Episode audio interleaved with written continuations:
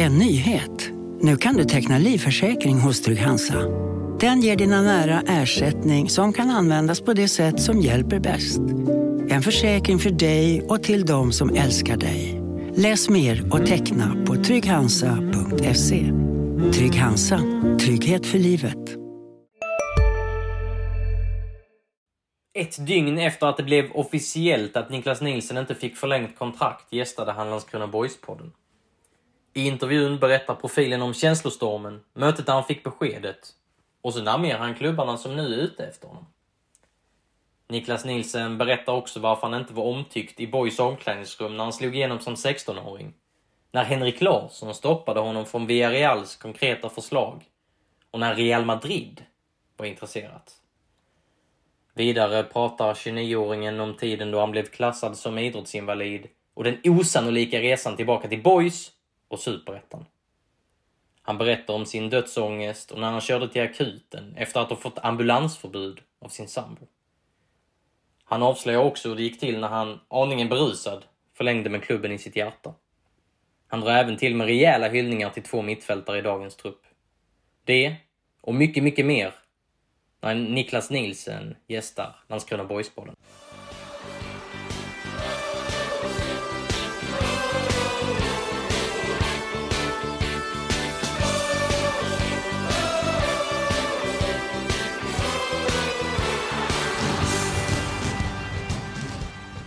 Niklas Nielsen, vi sitter på Landskrona IP. Du har precis eh, avverkat en träning, du har sparkat i stolpar, du har glidtacklat. Eh, glöden var där i kylan.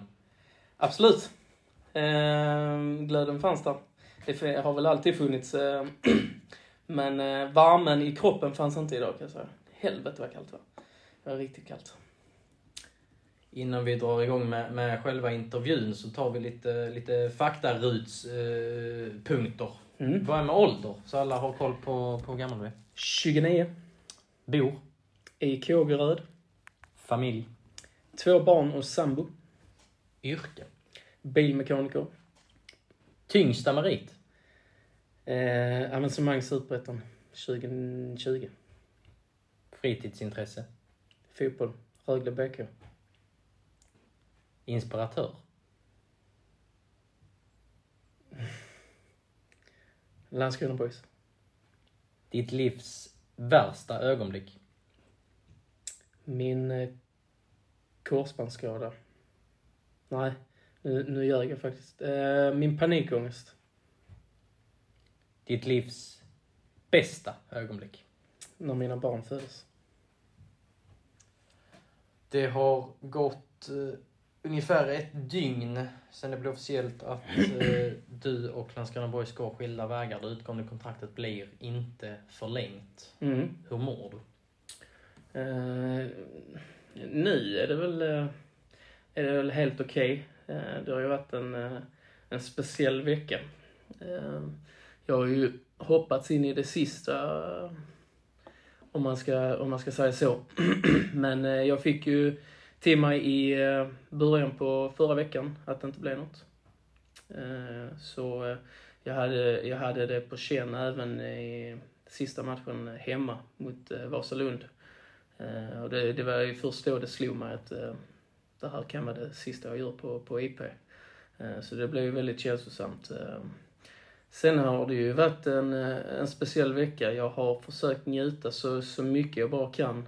Samtidigt som jag har försökt vara professionell och eh, göra, göra allt jag kan för, för klubben de sista dagarna jag ska bära tröjan.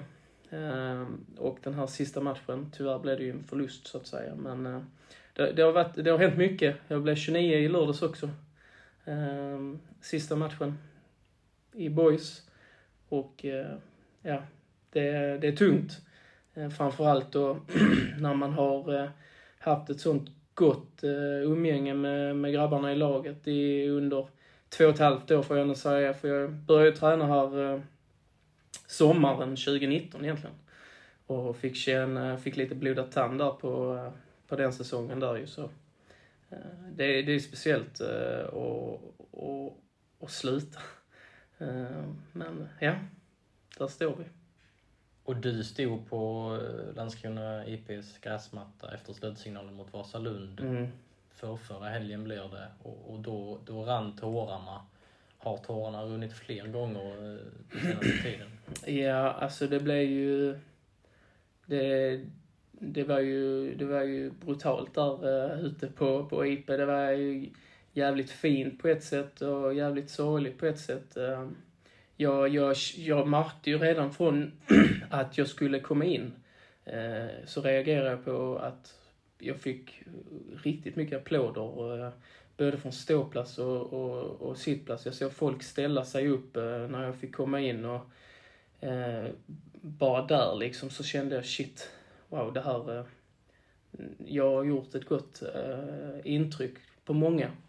Eh, och eh, efter slutsignalen då så, så stod jag framför eh, ståplats och sög in allt det goda man kunde göra efter en seger.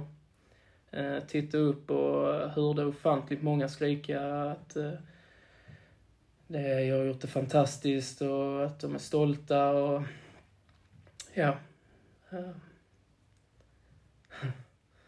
Blir du rörd nu när du Ja. tänker på det? Ja. nej, det, ja, det, det, nej.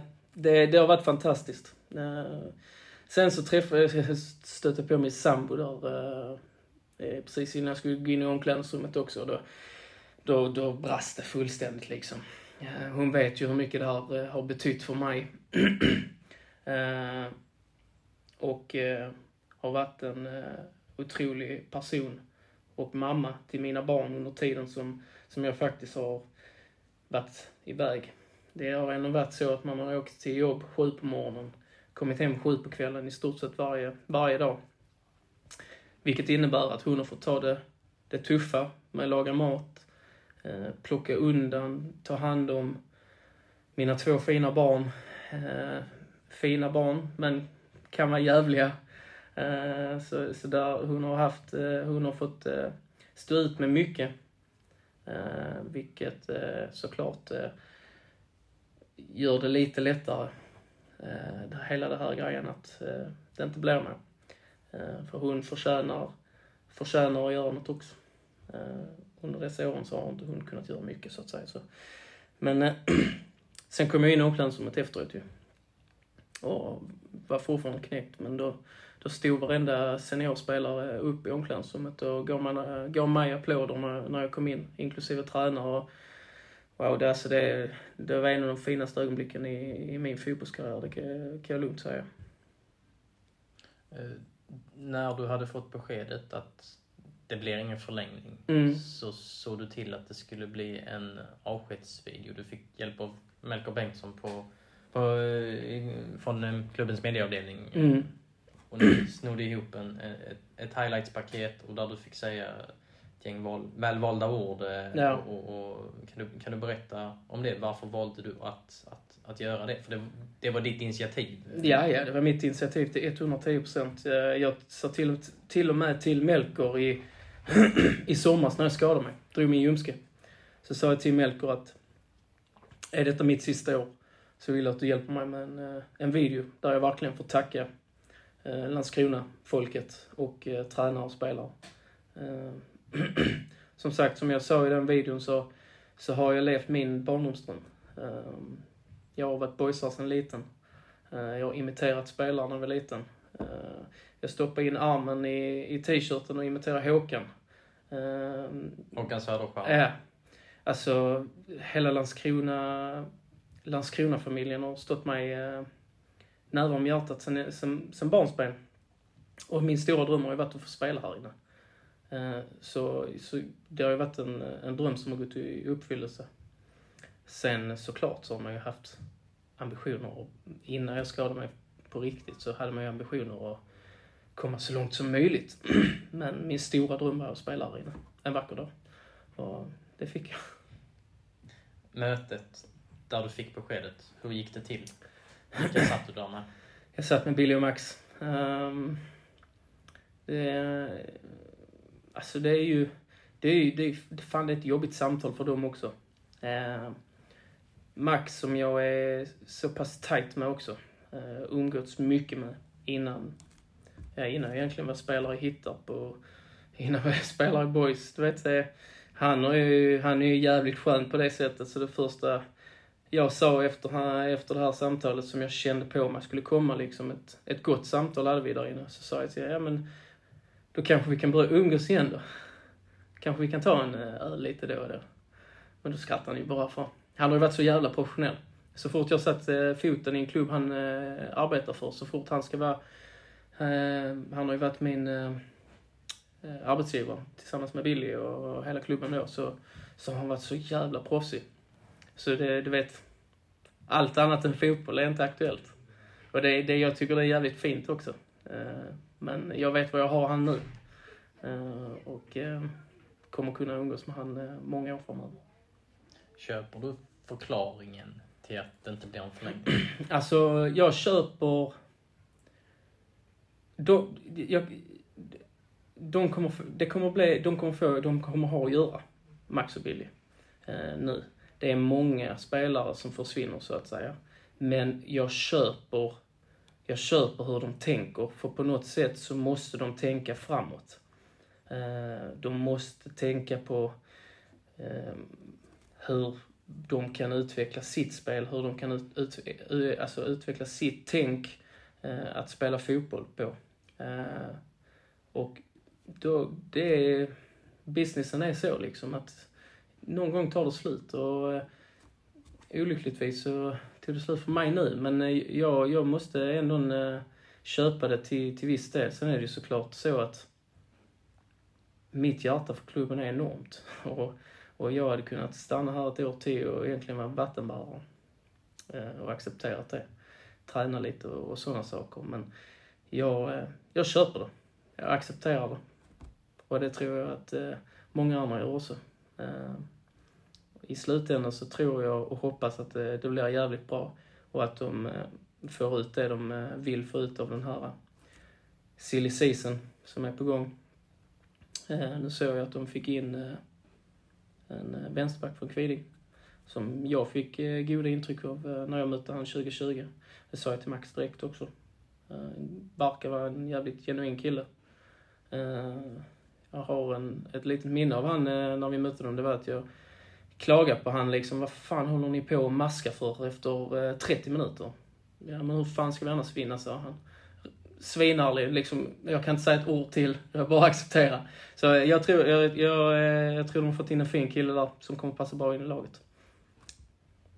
Om vi vrider tillbaka klockan till 2009. Mm. Om jag säger 2009, vad tänker du på då? då det första jag tänker på är ju debuten mot Vasalund. Det är det för, absolut första jag får upp i huvudet. Kan du ta oss tillbaka till den dagen? Hur var den eh, för dig? ja, alltså. Jag var ju, jag var ju ung. Alltså, jag var ju ettrig och såna här saker. Ehm, det var inte så att jag gick och vila och jag hade inte lärt mig eh, alls hur man skulle förbereda sig och sådana här saker. Det är klart att vi gick igenom sådana saker i ungdomsfotbollen liksom, men eh, jag var ung. Jag, jag ska vara ärlig, jag, jag trodde inte direkt. Eller jag, jag har förstått att jag var duktig. Men aldrig att jag var bra, alltså på det sättet. Eh, jag gjorde mycket mål och har alltid fattat det liksom att jag kom ju till BoIS för, för en anledning men det var ju först när jag kom upp i A-laget som jag fattade att shit, jag kanske, jag kanske ändå ska satsa på detta. Eh, och det var väl först då som jag började mm, vara lite mer seriös och sådana här saker och förberedde mig på ett bättre sätt och så. Men eh, ja, den dagen var ju hektisk. Liksom, eh, jag, hade många tankar i huvudet. Såg framför mig att jag skulle komma in och göra mål och, och det blev ju två baljor på sju minuter så det, det, var jävligt häftigt. Eh, jag kommer ihåg att eh, efter den matchen så, alltså min Facebook kommer jag ihåg exploderade ju. Sms, hela telefonen. Jag, hade, jag tror jag hade typ 40 sms när jag kom in i omklädningsrummet. Och dagen efter så var det ju stora, de här gula affischerna på en Kvällsposten och sån här. Löpsedlar? Löpsedlar i hela staden. Alltså, eh, kom in på Citygross så stod man på den här storbildsskärmen. Eh, så hade de såklart tagit den fulaste bilden som fanns på, eh, på mig. Så Men eh, det, alltså det blev ju mycket hype kring mig. Mycket snack och i samma veva så blev det landslagsfotboll och alltså, det gick ju sjukt fort. Extremt fort gick det. Men eh, det var jävligt häftigt. Du var 16 år då när du gjorde den succédebuten Ja. som, som är historisk och legendarisk på alla sätt och vis i, Ja. i, i Boys. Hur, hur, hur hanterar du hela situationen? Hur hanterar du den hypen som du pratar om? Alltså, jag... jag eh, alltså jag var nog ingen, jag var, jag var nog ingen vanlig eh, 16-åring som, som de flyttade upp alltså på, på det sättet. Alltså, det var ju många som inte uppskattade mig kan jag säga när jag kom upp i A-laget. För att Jag tog sån jävla plats. Jag tog riktigt mycket plats. så lika mycket plats som du har gjort nu som eh, 28-29-åring. Ja. Kanske inte så... Eh, alltså, det är ju inte så att jag gick runt och gav tips. kan jag säga. Så, jag gick inte och gav Linus Malmqvist tips vad han skulle göra till exempel. Eller Jocke Persson. eh. Det var inte så. Men jag tog plats. Jag tog min plats i omklädningsrummet. Eh, och eh, jag, jag ville vara bäst. Och då, då, om det krävdes att jag gick någon på, på nerverna så, så gjorde det. Eh, det har ju bara, jag har ju lärt mig av det. Eh, jag har ju lärt mig hur, hur jag skulle gå tillväga. Jag blev ju inte omtyckt i, i början. Men eh, jag kommer ihåg, jag blev väldigt tajt med Holter. Kristoffer Tapper Holter, Ja. mittfältaren. Ja, och han fick ju Max till att börja tycka om mig hyfsat. Max gillade ju inte mig från början. Max Mölder som Ja. då var lagkamrat med oss. Ja, ja. Mm. Han, han, han tyckte också det var en jobbig jävel alltså. Men eh, Holter... Eh, Holter eh, fick sen in mig i gänget lite där med Max och Pidde. Eh, Pidde. Karlsson. Eh, så de tog hand om mig som fan sen, när jag hade lugnat ner mig lite. Eh, Jag var och käkade lunch med dem varje dag i stort sett på hotellet och så det... Gick du inte i skolan? Eh, till början gjorde jag. Men eh, alltså jag, jag, var, jag, jag var för dålig för att kunna göra både och. Eh, när det gäller eh, studier. Jag, alltså, ena dagen, vi var ju heltidsanställda då ju, och ena dagen tränade vi tio, andra dagen tränade vi dubbelpass och sen så hade vi något eftermiddagspass. Så jag missade hur mycket som helst. Och jag, jag, jag hade inte motoriken för, för att lyckas plugga ihop allting som jag missade. Så till sist sa jag det blir för mycket alltså. Eh, så jag la ju studierna åt sidan. Och då, det var det året, alltså 2009, när du var 16-17? Eh, nej, det var i början på 2010. Okej. Det. Hur, hur, hur, funkade det? Eh, liksom? Ja, men det fun funkar ju bra ju. Alltså, jag fokuserar bara på min fotboll. Eh, och... Eh, eh, ja. Jag fokuserar på fotbollen och fokuserar på det som jag tyckte var eh, coolt, eh, roligt. Eh, och det som jag ville satsa på. Eh, Sen så var det kanske inte ett av mina smartaste beslut. Men det var mitt beslut. Och det var jag väldigt tydlig med. Det är någonting som jag vill. Eh, sen eh, i slutändan så hade jag nog valt skolan ändå. Eh, när jag skadade mig första gången så, så valde jag att hoppa på en, en linje igen liksom. För att då någonstans börjar man inse att fotbollen kanske inte varar för alltid. Och då eh, hoppade jag på en linje, eh, hoppade jag på samhäll. Eh, det passade ju mig jättebra eftersom att jag var så jävla bra på studier. Eh, så passade det utmärkt tänkte jag där. Men eh, sen, sen när jag skadade mig andra gången så hoppade jag av det igen och ville bara lägga fokus på min rehab. Eh, och sen sket det sig. Och sen så fick jag en eh, möjlighet till att bli, eh, gå in på eh, fordonslinjen i Svalöv. Och då tog jag det. Sen blev det att jag fick börja jobba med det. Det blev skit om nävarna istället, helt enkelt. Då när du gjorde succé och var en uh, hypad tonårstalang och du var på ja, men, ungdomslandslagens eh, radar och Mm. eh, även eh, utländska klubbars radar. Mm. För visst var det så att det var europeiska Ja, klubbar ja. där ute som, som Ja. var sugna på Där Niklas Nielsen? Ja, det var ett par stycken. Eh, det var en klubb som var jätte, jätteintresserad och som i stort sett hade ett kontrakt på bordet till mig. Vilken klubb? Via Real. Men där, där sa ju Henke tvärnö. Henke Larsson då var det tränare för... Ja, tränare slash manager. Ja. manager. I Boys. Han sa ju nej till det. Hur tog du det då? Ja, alltså jag, jag tog det ganska hårt. Alltså, jag... Alltså det är ju en, det är en, det är en dröm som alla ungdomar går upp, alltså har. För, för någonstans att spela fotboll utomlands i, i stora, stora klubbar. Så det är klart att jag tog det hårt. Eh, och det var ju så här att jag satt ju på, jag satt ju på ett U-kontrakt Nej, jag hade fått mitt A-lagskontrakt då, så jag satt ju på ett kontrakt som bara i två säsonger till. Eh, och då sa jag, och jag köpte liksom, nej men vi vill inte släppa dig. Okej, men låt mig åka ner och känna på deras miljö, för de ville ju bjuda ner mig också. Och, och låta mig träna med, med deras eh, Liga B-lag. Alltså, de vann ju, vann ju den ligan då också, men de fick ju inte gå upp för de hade ju sitt A-lag där ju. Eh, så eh, så då skulle jag åka ner och träna med, med deras seniorer, men jag fick inte det heller. Så det, det störde mig nog, eh, det störde mig mer än att man fick ett nej från ett, från ett annat, alltså att jag skulle gå dit så att säga. Sen hur pass långt gånget det gick mellan Henke och, och klubben, det, det vet jag inte. Men vad jag har förstått så, så var det ju så att vi, de ville ju ha mig. Och det var till och med så att när jag skadade mig så fick jag ju ett mail från dem att vi, vi är fortfarande intresserade av dig, vi, vi väntar på dig. Liksom att bli frisk, jobba tillbaka så, så ses vi. Så, så det gav ju mig hopp på något sätt.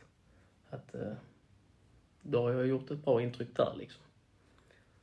Men sen sket det sig. Men där, där var ju ett par klubbar. Det, det hade varit jävligt häftigt att få komma ner och, och träna med, med något av lagen. Det var ju ändå en, eh, Det var ju Villarreal som visade det största intresset. Alltså rent så. Sen fick jag ju, sen bjöd de ju ner mig. Eh, Valencia ville ju att jag skulle komma och känna på deras miljö och sen Real Madrid ville att jag skulle komma och känna på deras miljö eh, och träna en vecka. Där var ju inget konkret annat mer än att komma ner och prova. Eh, men, och sen var det Sevilla också tror jag. Men det, det är ju liksom inga dussinlag, alltså det, är- det är ju sjukt häftigt. Och det är bara en sån grej hade gjort så jävla mycket för mig att få komma ner och prova. Ta nu som de gör nu här till exempel, att vi har ungdomar i 17 och 19 som har varit nere i Italien och tränat med några lag. Alltså det gör så jävla mycket för deras eh, framtida fotbollskarriärer. Och få känna på, Varför gjorde det? Nej men man får känna på andra miljöer. Alltså någonstans är det ju ändå så att alla spelare som spelar, alla ungdomar som spelar eh, på elitnivå i svensk fotboll har en ambition till att spela så högt som möjligt. Det är jag helt övertygad om. I alla fall 95% av dem. Och då är det ju så här att allsvenskan är inte det högsta som en ungdom drömmer av. Det är kanske är mer en realistisk dröm, men det är ju inte den drömmen. Utan det är ju att ta steget ut till Premier League, eh, La Liga, franska, holländska, alltså de här äh, stora ligorna. Tyskland, till exempel. Uh, det är ju det är en dröm. Att få göra det. Att man då får, som, så som de jobbar nu, nu får de komma ner och känna på deras miljöer och sådana här saker. Man hittar ett samarbete gentemot klubbarna. Boys, jag vet inte, jag kan inte, jag ska inte säga hur, att jag insatt i hur det funkar där. Men på något sätt så känns det som att klubben har en bra kontakt, eh, kontakt med den här eh, italienska klubben, Hellas Verona tror jag till och med. Det var någon spelare som gick dit nu också. Ja men precis, Andy eh, Ja, som spelar en del i u laget Ja. Alexander Allan var ju också där och så var han i Bologna också. ja Så var det precis. ett knippe spelare i Arieso från Serie C tror jag. Ja, ja. Men det är ju ändå liksom, det är en erfarenhet man får med sig. Och det är någonting som man kan bära med sig i livet, att man har varit där. Det är en stor grej för en ungdom, för en ung spelare. Sen är det ju jätteviktigt att de tar det på rätt sätt och inte flyger iväg såklart.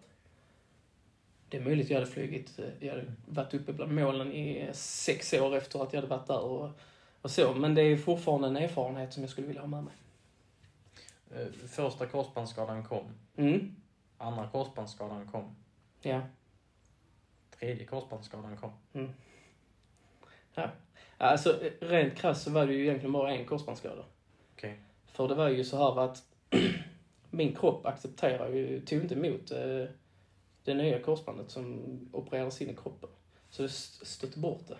Och nu, eh, nu vet jag inte procenten, men jag, jag snackade med Thomas om det, just den här, och de sa det. Thomas Mårtensson, sjukgymnast för Ja. de som inte har koll.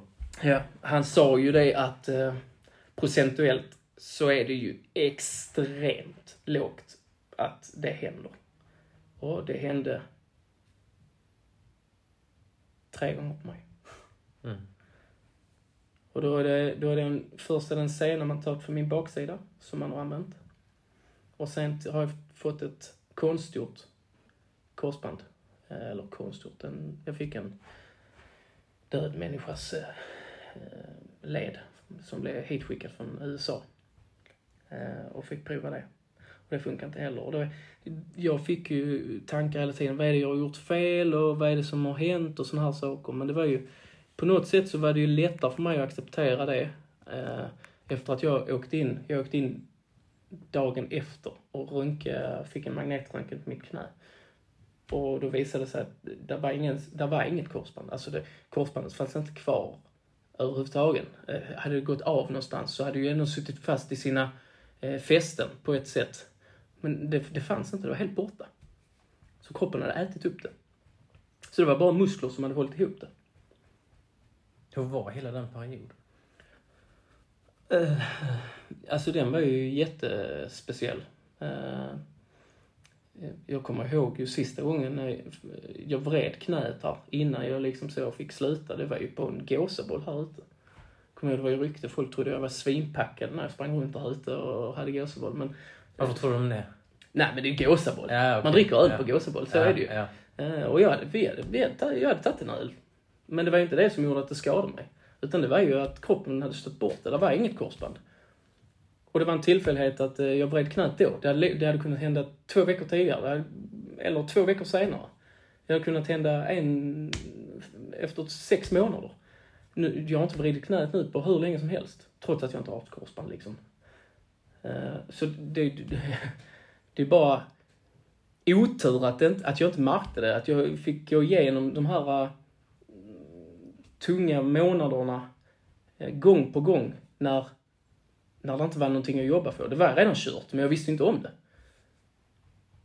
Eh, Om man kollar på din officiella statistik från, svensk fotboll så 2009 så gjorde du tre mål på 12 superettan-matcher. 2010 ett mål på, på sex eh, superettan-matcher. Sen, sen tar det stopp. Eh, Så Mm. hittar man Kågeröd i, i division 3 Mm. 2016. Men där, däremellan så har du alltså blivit klassad som idrottsinvalid. Men du, du har i själva verket inte slutat spela för du, du håller igång på, på låg småklubbsfotbollsnivå. Ja, ja. Som målvakt i början? Ja, jag stod en halv säsong eh, i Svalöv. För berätta där, du, och vi börjar med liksom, ja, men, läkarens dom. Men hans dom var ju, den var ju stenklar. Han sa ju liksom att du, du, du, du kan inte spela fotboll. Alltså, du, du, det, det, det är inte bra för dig att spela fotboll. Och då var du 19. 19 ja. Så sa jag okej. Men jag förde en dialog med Thomas och sa jag, men vad fan, kan jag stå i mål då? Ja, det ska nog inte vara något problem. Så länge det inte håller på att vika sig och sådana här saker. Ja, nej men då gör det. För det vet, jag vill ju ha tugget i omklädningsrummet. Jag vill sitta med lagkamrater och jag vill bli förbannad efter en förlust och sparka sönder soptunnare och hetsat spelare när vi har vunnit och hela den här grejen vill jag ha med mig. Eh, Jag var alldeles för ung för att sluta med det. Jag vill inte börja med pingis eller något sånt skit liksom, utan eh, jag vill hålla på med det fortfarande. Så det blev ju att jag eh, sa, ja, jag, vill- jag testar stå. Sen konkurrerade jag ut första målvakten i Svalöv också, så det... Jag var vass alltså. Var det? Ja, jag var riktigt vass. Jag var dålig på... Hörnor hade jag problem. De skrev in två hörnor på mig. jag var inte så lång. Men det, det var kul. Sen var det en B-lagsmatch eh, i mitten på säsongen när vi saknade folk och de frågade kan, du, kan du tänka dig att sitta på bänken? Spela några minuter om, om det går? Ja, vad fan liksom. Varför kan hända är att jag viker knät och får lite ont. Liksom. Och då eh, fick jag väl en 20 minuter och gjorde två mål och sen, sen sa jag det att eh, nej, jag, jag håller mig, jag spelar ute. Men din, din dröm hade ju någonstans slocknat. Ja, ja den var ju Det- väck. Den var ju borta. Mm. Den var ju totalt borta. Men hur var det att, ändå beträda eh, fotbollsplan och, och vara eh, i fotbollens kontext och, och, och ändå fortsätta spela? Trots den domen och trots den, den där drömmen som var väck. Nej, men alltså det... Jag var ju... Hur fan ska jag förklara det? Men det, alltså det, det gick ju... Det gick ju inte så pass lång tid att jag liksom hann glömma vad som skedde och, och sådana här saker ute på planen och i omklädningsrummet. Utan jag var ju ganska fast besluten egentligen från start att jag ville hålla på med detta på ett eller annat sätt. Så jag, jag det, det är ju en sak som jag är väldigt stolt över. Att i den tuffaste stunden, en av de värsta stunderna i mitt liv, så lyckas jag ändå ta mig till det beslutet att jag ska fortsätta med det. På ett eller annat sätt. Eh, och det är, en, det, är en, det är en sak jag är jävligt stolt över. Ehm, och glad att jag gjorde. Ehm, så jag började, alltså det blev som att man började om. Men, men samtidigt så var man aldrig borta från det. Ehm, sen var det ju så att jag hade ju inte spelat matcher på hur länge som helst eftersom att jag varit skadad. Så det var ju svinkul. Så jag fick ju en halv säsong ute och då vann jag ändå, jag tror till och med jag vann skytteligan i femman där med 19, nej jag blev delad tvåa. Eller delad etta med, med, en, med en kompis. Blev på 19 mål. Eh, och sen efter det så, ja, östes där in baljor. Du var eh, småklubbsfotbollens målkung i, i väldigt många år. Mm. Jag eh, hade en tendens att göra mycket mål ju. Jag har ju gjort, jag skulle nog säga att jag har gjort över 140-150 mål under de åren. I småklubbsfotbollen. Väcktes det någon form av tanke att mm, jag kanske kan spela på, på högre nivå, kanske till och med elitnivå igen? Nej. Nej, inte direkt. Utan det, det, blev, det kom ju först där jag smällde in en 33 baljor i trean. Eh, Då fattade jag ju att... Alltså då hörde jag ju till och med att det var klubbar. Jag, jag kommer ihåg att prata lite med Roar Hansen som var i Åtvidaberg då. Eh, Som sa liksom, vi håller kontakten. Eh, Och sen, för det var, hela, det var ju också en jävla resa ju. Alltså Folksam förbjöd ju mig från att spela division 3 fotboll. Utan fyran var ju det som var stoppet. Det Så- var försäkringsbolaget som, som Ja. satte stopp. Men hur, hur lyckades du ändå spela i tre Alltså jag ska vara ärlig, jag har fan ingen aning alltså. För det var ju så här att eh, min tränare i Kågeröd, Johan Isgren, han jobbar ju på Folksam. Så han kollar ju med dem när vi tog steget upp med Kågeröd i trean. Eh, vad, vad är det som krävs liksom för att han ska få spela i, i trean liksom. Han har, eh, så- sen rätt för det så bara fick jag ett brev på posten att nej men vi, vi ger dig dispens för att spela division 3. Ja okej. Så spelade jag i trean det året, gjorde en 33 baljor, vann skytteligan där. Eh, och sen eh, hade vi ju eh, året efter ville hitta på mig. Så här, jag får inte spela division 2. Då vet jag om Höganäs vill ju också ha mig, så de, de kontaktade ju en advokat för att kolla på det. Eh, och då skickade de, jag vet det var en jävla snack där de skickade till Folksam som sa, men han kommer ju inte kunna tjäna pengar på den då och sådana här saker. Och sen kom det ett nytt brev på posten. Ja, nej men vi godkänner division 2. Och sen så spelade jag Hittarp där ju. Eh, och gjorde en bra säsong ute efter förutsättningarna. Eh, jag spelade ju en halv säsong och det gick ju svinbra. Jag gjorde mål varenda match där i första sju, åtta omgångarna. Eh, sen, sen fick jag ju, åkte jag på det tuffaste kampen jag har varit med om i mitt liv. Med, där jag fick en panikångestattack för första gången. Sen var det ju i stort sett en ständig kamp eh, resten av det året och egentligen året efter också. Du har ju berättat om detta eh, tidigare, om, Mm. om din panikångestattack. Du får gärna berätta det igen. Hur, hur var det? Vad, vad hände?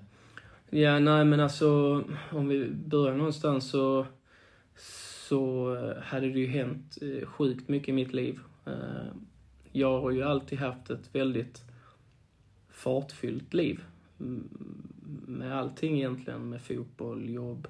Jag gillar ju hitta på saker, och umgås med kompisar. Och jag har precis köpt hus som skulle totalrenoveras, som jag gjorde själv tillsammans med min sambo. Vi fick barn i samma veva i stort sett. Eh, jag bytte jobb.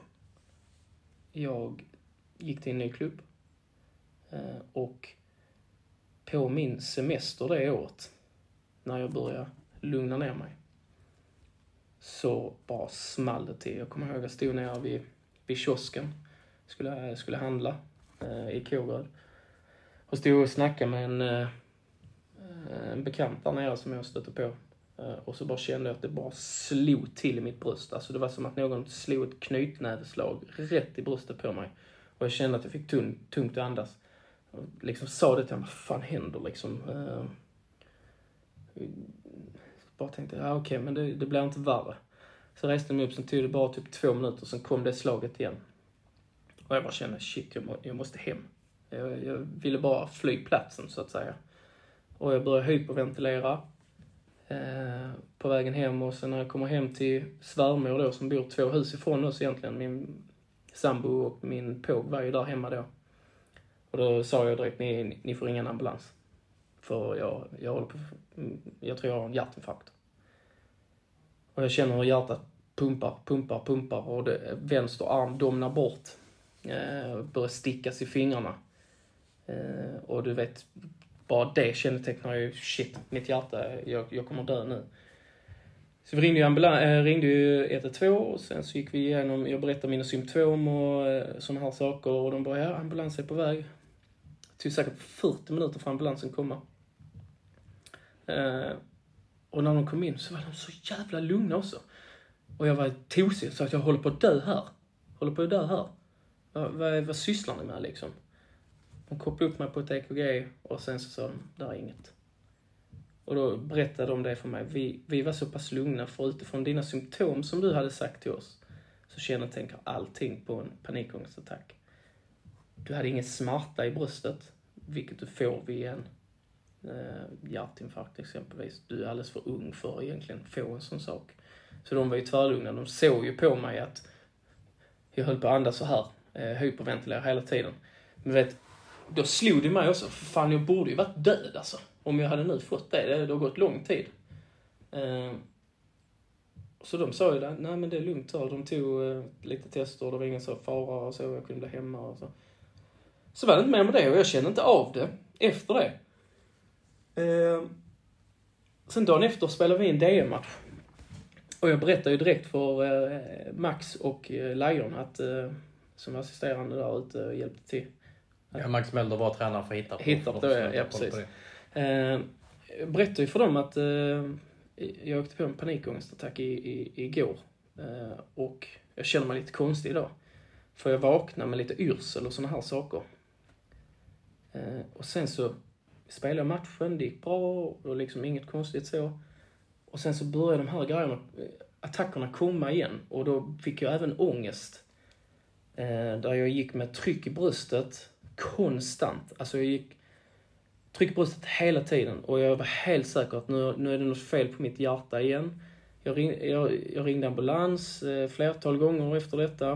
Eh, de kom ut och till sist så sa min sambo till mig, men för fan Niklas, alltså du, du, där är inget fel på dig. Du kan inte ringa ambulansen f- f- hela tiden. Där är faktiskt folk som, som dör, som behöver hjälpen. Det är bara, du får andas dig igen det liksom. Och, jag blir tosig på det. Nej, jag håller fan på att dö här alltså. Så nu, nu skickar du ut, eh, ringer du till dem så de kommer ut och hämtar mig. Men jag fick ju samma svar hela tiden. Nej, det är inget fel på dig och sådana här saker. Sen kom det till och med så att jag vågade ju inte ringa ambulansen för att jag var rädd att min sambo skulle bli svinsur. Så jag körde in till eh, sjukhuset då istället och satte mig Dagens vinnarprognos från Postkodlotteriet. Postnummer 65209, klart till halvklart och chans till vinst. 41101, avtagande dimma med vinstmöjlighet i sikte. Övriga 10 500 postnummer soligt och möjlighet att vinna. Oavsett när sommaren kommer till dig så kan du och dina grannar få dela på 48 miljoner i sommaryran. Ta chansen nu i maj på Postkodlotteriet.se. Åldersgräns 18 år. Kontakta stödlinjen om du eller någon anhörig spelar för mycket. Hej, Synoptik här. Visste du att solens UV-strålar kan vara skadliga och åldra dina ögon i förtid? Kom in till oss så hjälper vi dig att hitta rätt solglasögon som skyddar dina ögon. Välkommen till Synoptik. Jag var där på akuten eh, och ville ha hjälp. Eh, så, och det... Eh, ja, så alltså, jag, jag kan säkert ha gjort en 20-tals EKG. Eh, jag gjorde två stycken eh, här eh, 24 timmars EKG där man sitter med ploppar hela dygnet liksom på hela kroppen. Eh, jag gjorde ett ultraljud på hjärtat. De tog tester, de tog sprutor, de, alltså de testade allt på mig. Jag fick samma svar alltid. Eh, Det enda jag inte hade gjort var ett sånt här cykel-EKG där jag sitter och pressar mig. För jag fick ju, symptomen var som värst när jag tränade. För då kände, så fort jag började känna att hjärtat slog eh, fortare så blev jag rädd. Så Max, till sist sa Max så här, du, nu gör du så här. Imorgon så kör du in till den läkaren, du gör ett sånt EKG, sen är det bra. Liksom, och han riktigt bestämt sa han till mig liksom att, för han fattade ju också att det, det är inget fel på honom. Men han måste få in det i huvudet. Eh, och då gjorde jag det. Eh, och sen så kände jag bara att fan, sen blev det bättre. Och sen så mötte vi Eskil borta, kommer jag ihåg. Och jag, får, jag kommer ihåg, jag får ett, jag gör ett jättebra inhopp. Jag har en bra match där. Fan, jag, jag tror till och med jag har en bissa som går strax över i den matchen. Och Max skickar till mig efteråt. Ser du? Nu liksom att vi är jävligt stolta över att du har gått igenom det, det tuffa här nu och eh, nu är det bara till att öka. Och då började jag ju träna igen. Och ju mer jag tränade, ju mer förstod jag att jag kommer inte dö. Ju mer jag fick de här attackerna så fattade jag också att det är bara en reaktion. Sen började jag ju med eh, kognitiv beteendeterapi, alltså KBT. Jag träffade psykolog och pratade om eh, vad som skulle kunna vara fel. Han berättade ju, jag fick ju massa fakta på vad som händer i kroppen vid en panikångestattack. Att det jag hade var ju dödsångest. Jag var ju livrädd för att dö. Eh, och det visade sig att det var ju på grund av att jag antagligen fått barn. Alltså jag var ju livrädd för att försvinna ur hans liv och lämna min sambo med, eh, med grabben ensam. Eh, så det var ju den stora omställningen egentligen. Sen fick han ju mig till att komma över den här tröskeln där jag liksom insåg att ja, men det är inget farligt. Det är inget farligt att få panikattacker, utan det är en, det är en reaktion som kroppen får när du behöver fly från något. Då är det liksom viktigt för dig att liksom inse att jag behöver inte fly från detta. Utan jag behöver bara ta mig igenom det. Andas igenom det. Eh, jag gick... Jag körde olika typer av eh, mindfulness och sådana här saker. Eh, kändes sjukt flummigt när jag gjorde det första gången. Jag kommer ihåg att jag låg i badet, tände ljus och så här, gjorde mysfaktor till tusen och så satt jag på och så lyssnade på någon kärring som ville att jag skulle andas 16 gånger ut och in och jag tänkte vad är det jag lyssnar på? Alltså jag kommer bli dum i huvudet. Jag tog den 6-7 gånger och sen så, wow liksom, vilken effekt det gav. Ehm, så det, sen, det, höll ju, det höll ju på länge och jag ville ju inte ta en massa tabletter och, och sånt mot det. Men till sist så gick det så pass långt att jag, jag orkar inte mer alltså. Jag orkar inte må dåligt och då, då valde jag liksom att gå på en, en kur med antidepressiva. Eh, för att hjälpa mig på traven helt enkelt. Och det är, det är ju medicin som jag tar än idag. Eh, och som jag någon gång ska trappa ner med när jag känner mig redo för det. Eh, Det finns ju fortfarande dagar där jag kan få lite tryck i bröstet. Där jag kan få lite tungt att andas och sådana här saker. Men jag har ju lärt mig, nu, nu vet jag vad det är. Och jag har lärt mig att hantera det. Eh, och på något sätt så har jag också lärt mig att en, någon dag ska vi alla dö.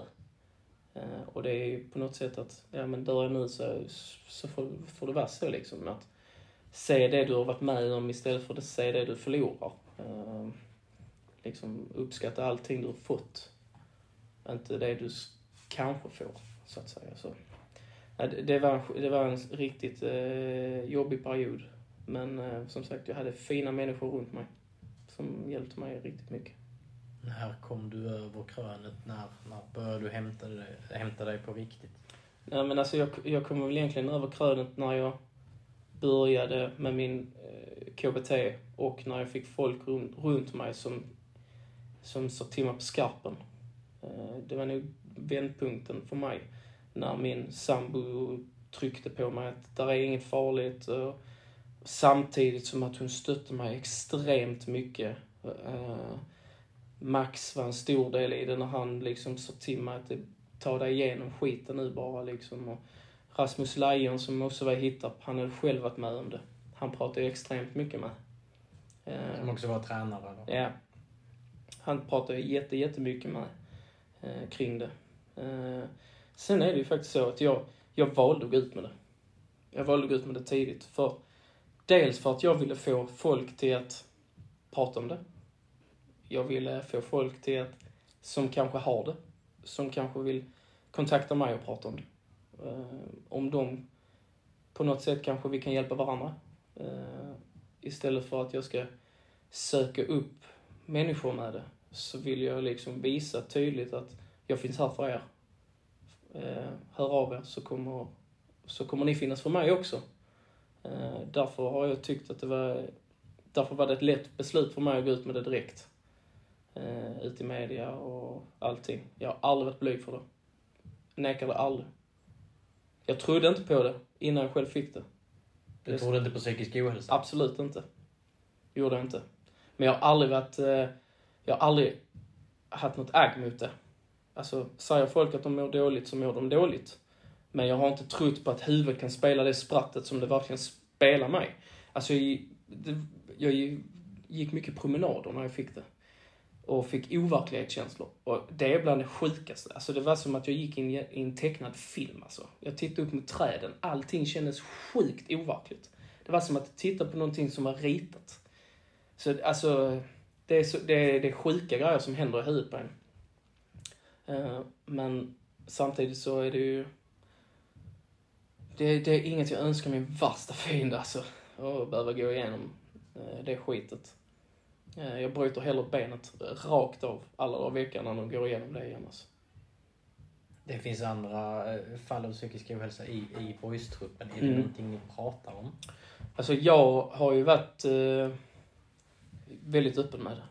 Jag, jag, vi har suttit i omklädningsrummet och bara kommit och snackat om det. Och jag har sagt rakt ut, jag går på tabletter.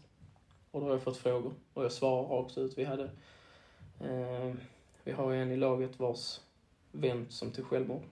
Eh, jag tänker inte nämna några namn nu för jag vet inte om han så, men eh, då valde jag att stanna efter träningen och prata med han liksom, eh, och fråga hur han mår och, och sådana här saker. För det är så jävla viktigt att vi vågar öppna upp för varandra.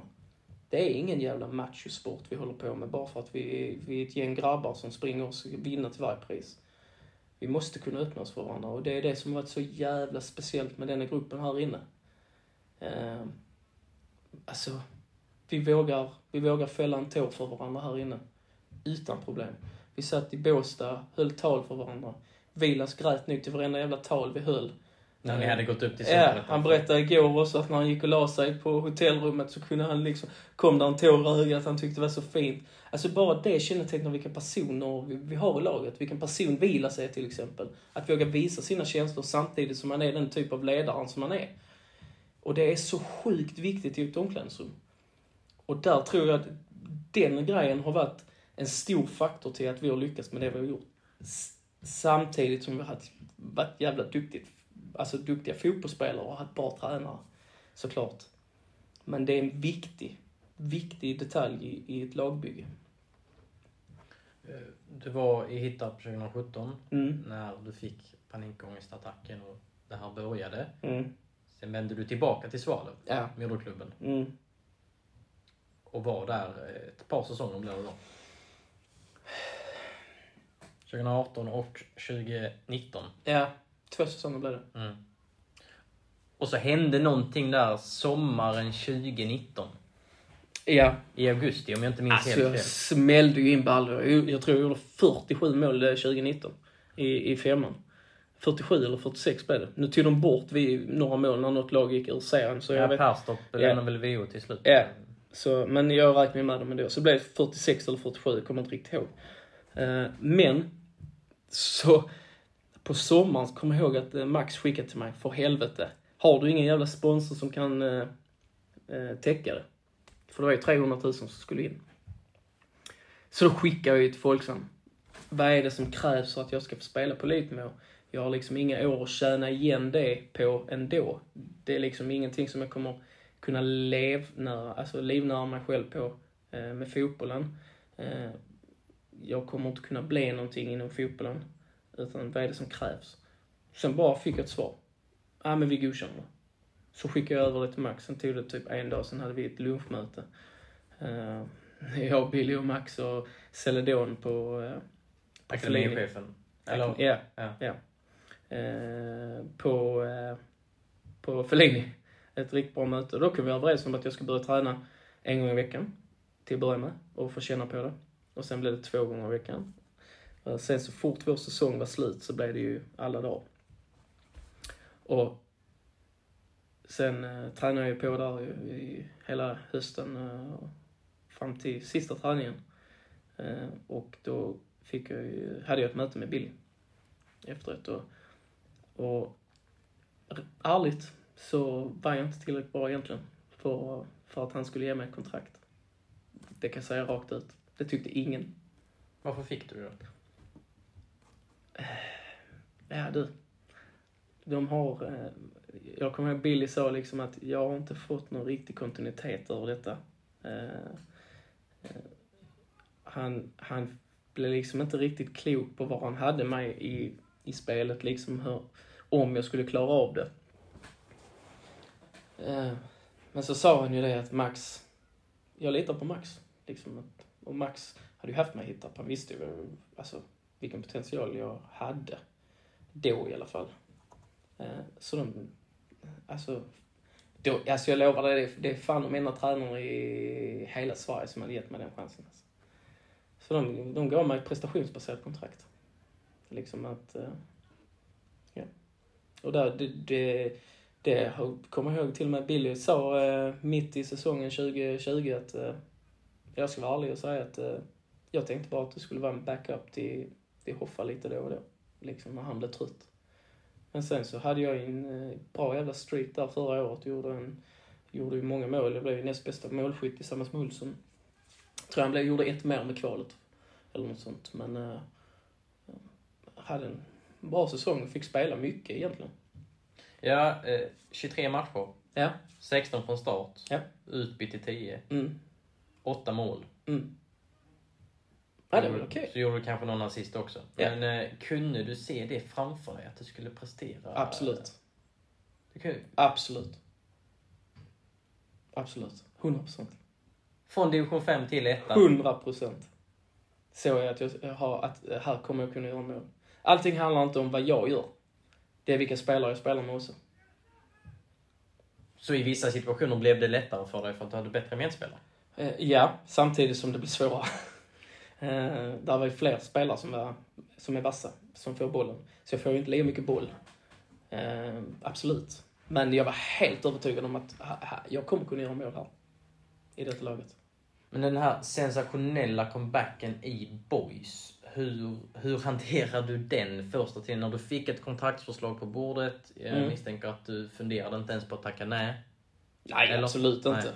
Absolut inte. Och så alltså, det- jag, jag, frågar, jag frågar inte ens vad jag, alltså, jag frågar inte ens vad jag fick i lön. Alltså jag bara ska på. Vad fick du i lön? Sa jag inte. Jag fick ett prestationsbaserat kontrakt. Jag har faktiskt sekretess, eh, alltså det är tystnadsplikt på det. Och så är du inne i boysbubblan igen. Ja. Fick du nypa dig själv i armen? Eller hur? eh, Alltså, eh, ja. Alltså. alltså det var ju så häftigt. Alltså, men det var ju verkligen så att eh, jag kommer ihåg sista, sista träningsveckan innan jag fick beskedet om att jag skulle få, få vara kvar där, ett, eh, eller få ett kontrakt då. Så sa jag Max till mig, gasa nu för helvete liksom. Och så kommer jag ihåg att jag har den sämsta träningsveckan på hela året. Sen sen jag kom dit. alltså jag fick, så, jag fick problem med min astma. Jag var till och med någon träning jag fick gå av för min medicin hjälpte inte. Det var ju kallt. Jag får ju problem när det är jätte, jättekallt. Drar lungor sig ihop. Så det, det stärkte ju inte mina eh, sådana saker direkt. Eh, och sen kom jag ihåg att eh, första träningen 2020 så kom Max till mig nu att nu är du med. Men du ska inte vara någon jävla utfyllnadsspelare. Nu, nu är det dags för dig att visa att du ska spela också. Så ja, ja absolut liksom. Och, tyckte jag tog steg för steg hela tiden. Jag skapade mycket. Jag gjorde inte, så- det tog ju lång tid innan jag gjorde mitt första mål egentligen. Men jag brände ju sådana sjuka lägen alltså. Jag vet inte om det satt sig i huvudet på, på mig liksom, men eh, ja. Sen så small det mot Eskil i träningsmatchen och sen, ja. Resten är historia. Och så blev det några tårar i Uppsala också när Boys säkrade Ja, avancemanget wow. Su- Superettan. vilken kväll alltså. Vilken jävla resa. Alltså, shit alltså. Du vet, man blev packad på, på två öl där inne ju. Alltså, det, man hade ju så mycket känslor direkt. Man tog, jag drack, eh, jag tror jag drack tre klunkar skumpa och två öl och kände liksom mig berusad på det. Uh, wow alltså. Helvete, det är svårt att egentligen beskriva. Och, jag blev så jävla känslosam för att då, det var väl först då, shit, jag har, jag har fan tagit mig tillbaka. Alltså, på, på professionell nivå liksom.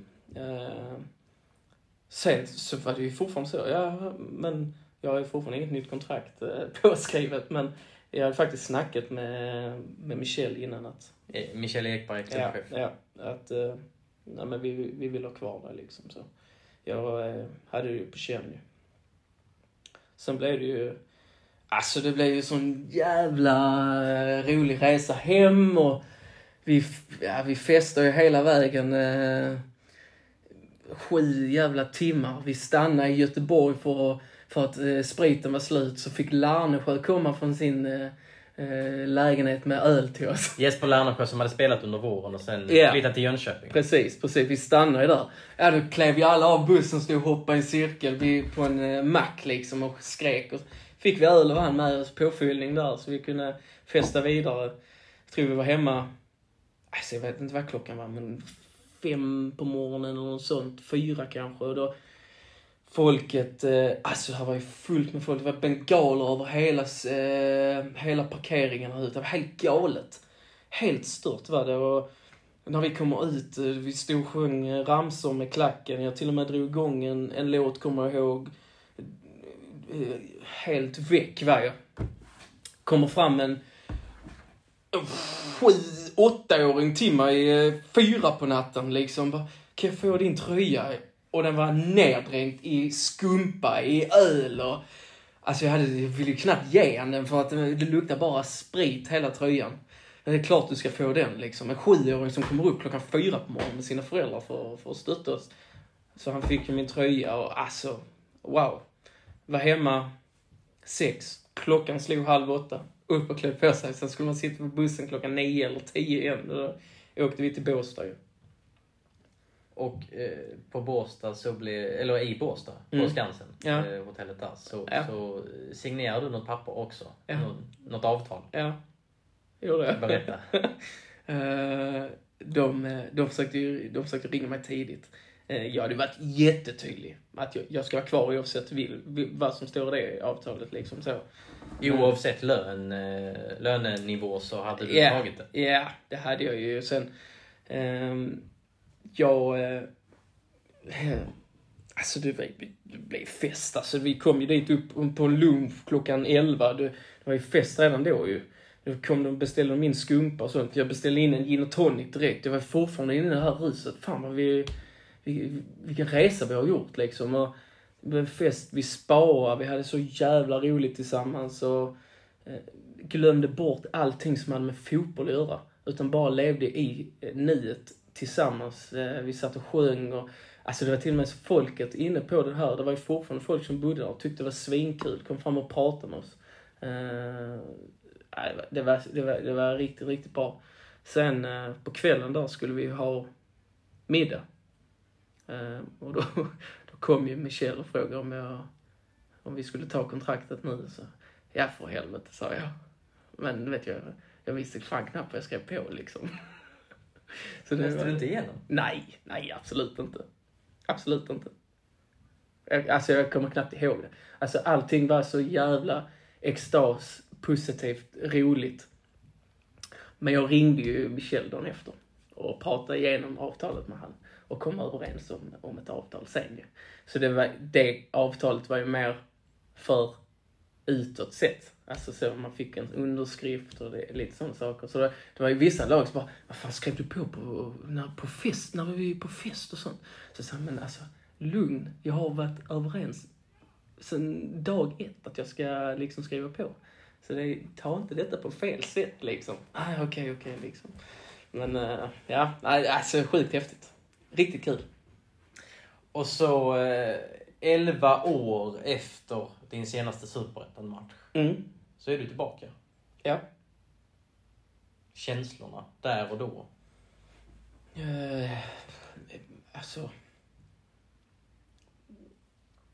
Det var väl egentligen inte så annorlunda gentemot året innan. Alltså, om jag ska vara ärlig. Uh, men det är klart att det var, det var ju häftigt liksom. Alltså, man har gjort superettan-match igen liksom och tagit sig tillbaka det, det steget ju.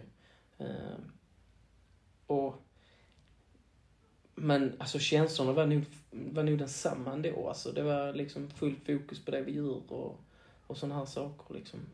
Försöka vara, leva, jag försökte leva så mycket jag kunde i nuet liksom. Och någonstans så insåg jag ju redan egentligen i, i början på förra året att ja, men detta kan vara sista året. Liksom. Det kan vara sista året. Och jag kände det i ettan också, det här kan vara det sista jag gör. Alltså du vet, man har hela tiden haft den lilla tanken av att jag kommer upp i ålder, jag, har, jag spelar med ett knä. Alltså det, det är en pensionär de har uh, anlitat tänkte jag säga. Men uh, så jag har ju bara haft två fantastiska år. Um, och jag, jag, skulle, jag vet inte riktigt hur jag ska beskriva det heller. På, på, ett, på ett vettigt sätt uh, som alla förstår. Men på något sätt så var det viktigt. Som med den här videon till exempel, där när jag gick ut och fick tacka alla. Eh, för det är ju också någonting att Landskrona-publiken är ju fan är den mest krävande publiken i, i svensk fotboll alltså. Alltså det, det, de kräver mycket av oss. Men jag har nu fan Alltså sen jag kom hit har inte jag hört ett enda negativt ord om mig själv. Och det förvånar mig. För jag har inte varit outstanding alla matcher jag har spelat liksom. Någon gång eh, tappa, har jag tappat bollen så har jag ryckt till fan också. Men då har jag liksom bara fått höra, ja kom igen Niklas, kom igen. Det här pushandet. Eh, så, så, jag har varit sjukt skonad från det alltså. Eh, och det har ju varit lätt för mig att bara gasa på då. så ja, alltså känslan är egentligen densamma. Skillnaden var att vi hade publik i år jämfört med eh, förra året. Du gjorde eh, tio matcher i Superettan i år. Ja. Tre från start. Mm. Ett mål. Mm. På Ullevi, 8 juni. Ni mm. spelar i, i Uruguays eh, landslagsställ i princip, ert ja. reservställ. Um, det var ja, en av säsongens bästa matcher, kanske den bästa. Ja, alltså vi var så bra alltså. Vi var så bra. Alltså allting funkar ju. Det var, det var helt sjukt ju. Så bra vi var i den matchen. Eh, sen så var ju, Gais blev ju ett bottenlag. Alltså, så många kommer väl tänka, ja men ni slog ett bottenlag liksom. Ja, det är möjligt, men vi var svinbra alltså. Ehm, och det var ju sjukt häftigt. Sen är det ju gött att jag fick göra den första baljan i den blå tröjan också av alla. Så jag hoppas de har blått nu resten av, eh, resten av eh, livet tänkte jag säga. Hur viktigt var det där målet för dig? Den där frisparken mot Geist, det där eh, ja, återkomstmålet i Superettan? Nej, men det är klart att det var viktigt. Sen, sen, är det, sen ska, får jag väl ändå säga att jag är inte, jag är inte nöjd med denna säsongen individuellt. Eh, det är jag ju inte. Alltså jag har ju, jag har, fan, jag har haft mina lägen till att göra mina mål också, men jag har inte lyckats sätta dit dem. Eh, och då, då, då har det ju ändå blivit så att jag oftast så har jag kommit in med fåtal minuter kvar. Svårt att göra något på de minuterna, men jag tycker ändå att jag har varit inblandad i något eh, under de minuterna. Och där är det ju på något sätt så att jag har ju, jag accepterar ju den rollen jag får då när jag kommer in. Du ska liksom, ja, du ska springa ner där och jaga dem där. Spring och jaga dem bara. Eh, liksom, det är en roll som jag har accepterat och, och omfamnat. Eh, för att göra det bästa för mitt lag och mina tränare. Eh, så jag har ju varit, jag ska inte säga nöjd, men ändå liksom, jag gör det som, jag, som krävs av mig eh, i, i stundens hetta. Vill de att jag ska springa upp och ner på, på en kant eller om jag ska vara, springa ner och vara högerback, ja men då är jag det. Och accepterar det. Och njuter av det. Liksom. Och det var väl, eh, det är väl typ de, det har blivit mycket sådana inhopp liksom. Någon gång har vi behövt jaga liksom, eh, jaga mål och man har kommit in med 12-13 minuter kvar liksom och försökt göra det bästa av det. Eh, men ja, det, det är svårt och det är svårt att hoppa in i en match. Speciellt i, de, i slutskedet av en match. Det, det är jävligt svårt. Korsbandsskadan slash skadorna som gjorde dig då klassad som idrottsinvalid. Hur påverkar det dig idag? Alltså, jag ska ju vara ärlig och säga att detta året har jag ju knappat piller hela året. Smärtstillande? Ja. För att kunna spela? För att jag har haft ont i mitt knä.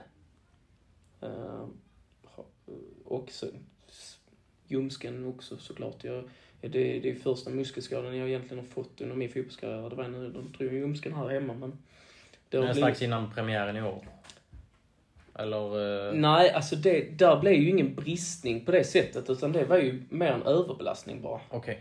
Eh, Men det, det har säkert ett samband med att jag fick en bristning där. Men när jag fick bristningen hade jag ingen, inga som helst problem med, med ljumsken. Så, ja, det, hela det, det är en jävla soppa den, eh, de jävla ljumskarna, ljumskproblemen vi egentligen har haft i år. Alltså det har ju varit sju, åtta spelare som har problem med sina jävla ljumskar. Alltså. Jag fattar inte. Förstår inte. Men du har haft ont i knät i år. Men du hade inte det förra året när du spelade ettan? Jo. Det hade du. Och jag hade, jag hade spelat ett år till. Med smärta. hade jag gjort. Du, ehm, jag ska citera eh, Billy Magnusson, Ja. tränaren. Mm. Ehm, alla vill på något sätt ha med, ha med Niklas Nilsson att göra, men just nu har vi inget konkret att erbjuda. Det kanske dyker upp någonting framöver. Mm. Spelarkontraktet, ja, det förlängdes ju inte. Nej. Många förväntar sig att du hamnar i en annan roll Mm. i klubben. Mm. Hur ser det ut där? Billy svarar på frågan där. Hur, hur ser du på saken? Alltså, jag är ju... Jag vill Boys bästa. Och just nu så, det viktiga för Boys nu, det är ju att få ihop eh, laget. De är ju betydligt längre än vad vi många vet. Det är jag helt övertygad om. Så de, de har alla, de har säkert de flesta pusselbitarna klara redan. Eh, men det är ju, det är ju den prion jag tycker de ska lägga på. Eh, eller fokusera på. Eh, och jag har ju ingenting klart just nu. Jag vet faktiskt inte vad jag ska göra. Eh, det, har, det är en hel del eh, lag i småklubbar. Eh, det är något lag i tvåan. Det är något lag i trean som har hört av sig. Men på något sätt så vill jag nog eh, starta upp en karriär som tränare. Och det jag ska inte säga, alltså, jag ska inte säga att jag, de, de har ju varit väldigt tydliga med att de vill ha in mig. På ett eller annat sätt. Ja, Boys. ja, ja. Alltså, Billy och Max är, ju, är jätteglada för mig och jag, är jätte, jag älskar att arbeta med dem och, och hela föreningen. Eh, men jag, någonstans så får jag vara realistisk också att jag har två barn där hemma. Jag har en sambo som har fått stå ut med mycket.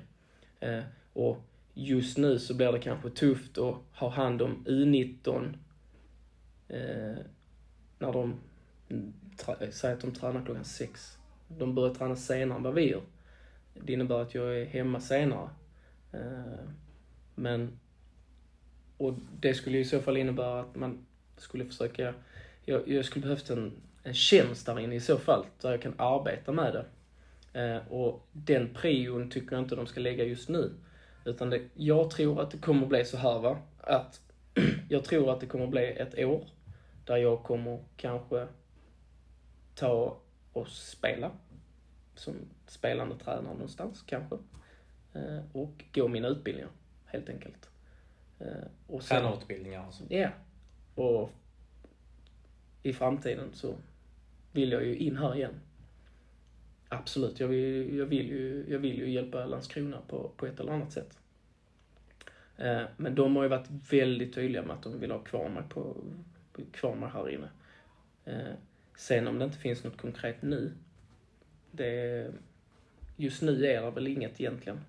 Eh, utan, men samtidigt så är det ju två personer som jag kommer ha kontakt med långt, långt fram i, i livet. Jag kommer kunna skicka till Billy när som helst och liksom flabba med han. Säga att jag, och jag kommer kunna, jag kommer ha kontakt med Max veckovis. Liksom. Så det är ju, dörrarna är ju inte stängda. Men jag tycker att de ska fokusera på, på, det, på, ny, på det som ska komma skall, så att säga. Så kan vi ta det därefter. Vilken typ av tränare tror du att du kan bli? Uh, ja, men jag, jag gillar ju jag gillar ju att spela po- possession-fotboll. Alltså jag gillar ju... Där är en boll. Den bollen vill jag ha eh, inom laget. Eh, så jag, jag är nog ganska snarlik eh, Max och Billys eh, filosofi. Hur de vill spela fotboll. Sen är det ju såklart att det fina med fotbollen det är att alla tänker olika. Och det är oftast det som får en till att komma framåt. Uh, och så är det ju, så är det nu. Så vi är aldrig, vi, det är inte alltid vi är överens, eh, spelartruppen och tränarna där inne. Men då hittar vi ju någonstans en, en lösning där vi, där vi kanske känner oss trygga med en sak. Och Billy och de säger, nej men då kör vi på det. För det viktiga är ju att vi ska känna oss trygga med det. Och sen så är det kanske någon gång liksom, nej men nu, nu testar vi detta. Och det är det som är det fina. För att då har det kommit diskussioner som gör att vi utvecklas hela tiden. Så ja, jag tror att jag är väldigt eh, lik eh, Max och Billys eh, sätt att träna fotboll på. Eh, och jag gillar ju verkligen deras sätt att spela. Ett gäng klubbar som har hört av sig. Mm. Vilka klubbar? Där är... ehm, det är uh, Kågeröd, Dösjebro, uh, FC Ariana i Malmö, Åstorp, Fortuna. Just nu. En, inte Svalöv? Nej, faktiskt inte. Svalöv har inte hört av sig. Kan det bli en återkomst i Svalövströjan? Alltså, jag, jag, eh, jag tror så här va, att de är ju inne i en generationsväxling. Och det är, tycker jag är fint. Eh, och som, om jag nu vill spela så vill inte jag in och röra för mycket där. Eh, I den grytan. Eh, det är unga killar som vill, som, som har sitt eh, umgänge där och, och hela den biten. Och jag, tror att det är rätt sätt då att följa det. Kommer du ställa dig i boysklacken nu när, när ditt lag spelar matcher? Eh, kan ju. Är, jag bara ledig så absolut. Jag kommer spik stå där mot HF. 100 procent. Hur ser du på Boys framtid? Är det en allsvensk dröm som är realistisk? Eller handlar det om att etablera sig i Superettan några år framöver? Eller vad? Nej, men etablera sig tyckte jag att vi gjorde i år.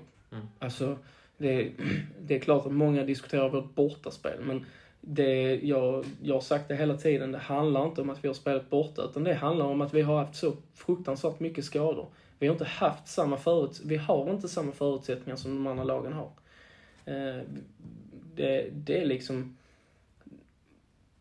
Det är de grejerna egentligen som gör att, att vi har tappat så pass mycket poäng på hösten. Vi har inte, varit, vi har inte gjort eh, raka matcher hemma. Alltså vi har inte varit felfria hemma heller. Men vi har fått ett litet, litet push när det har gått lite dåligt av vår hemmapublik eh, gentemot när vi är borta. Sen har ju, sen har, fan de har ju, vi, har- vi, har aldrig, vi har nog inte spelat en match, en enda match utan boysupportrar på plats faktiskt. Jag tror till Sundsvall var någon till och med. Det, det, så det är ju jätte, det är stort ju såklart. Men i det stora hela så är det att vi fick så pass många skador. Och där är ju framförallt en spelare som jag ser som den stora nyckeln i det hela. Och det är Sumar Almelied. För att? Alltså han är...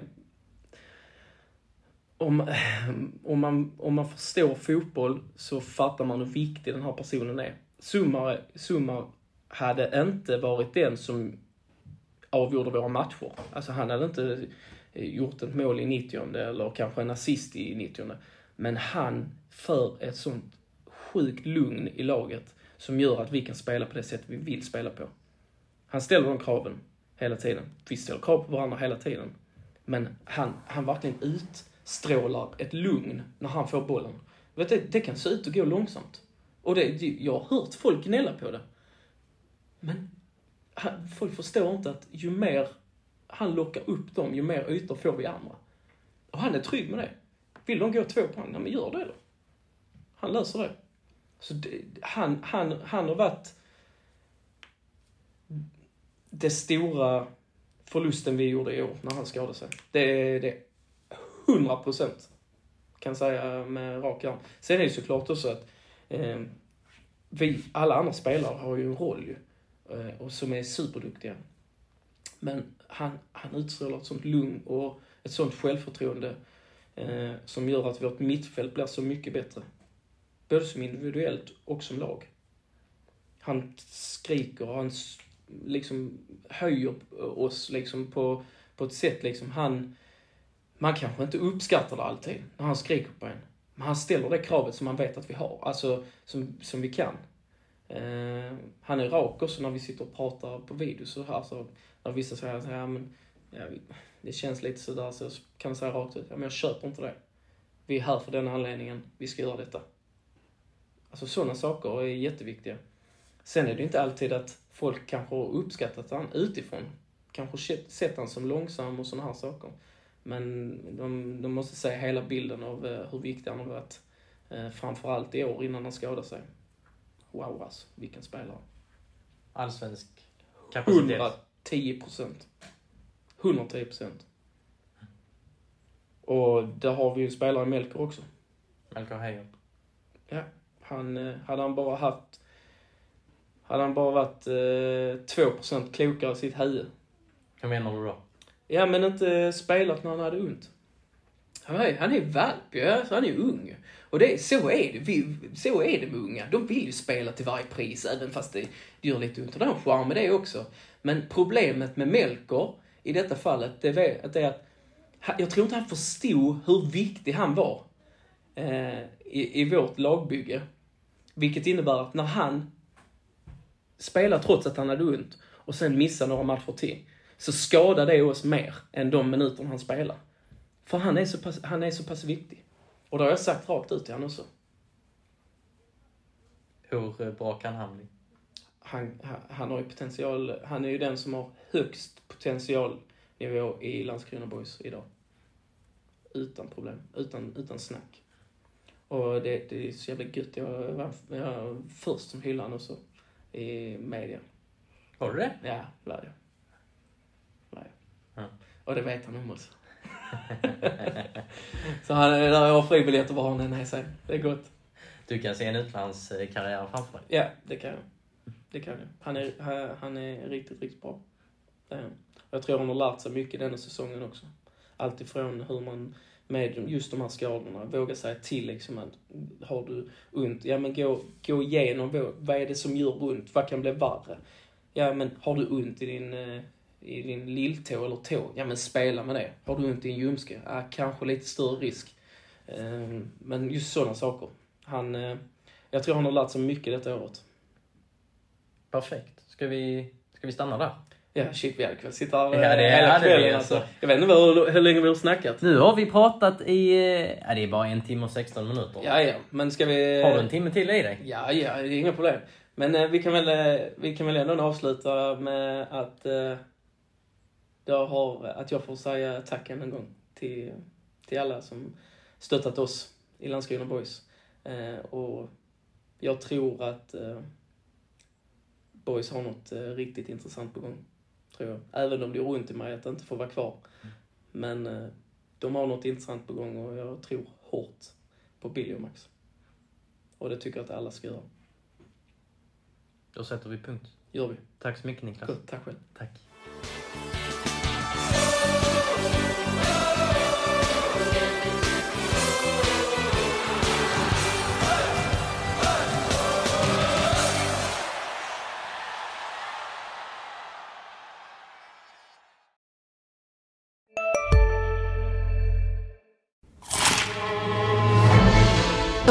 Upptäck det vackra ljudet av McCrispy Company för endast 89 kronor. En riktigt krispig upplevelse. För ett ännu godare McDonalds. Just nu till alla hemmafixare som gillar Julas låga priser. Ett borr och bitset i 70 delar för snurriga 249 kronor. Inget kan stoppa dig nu.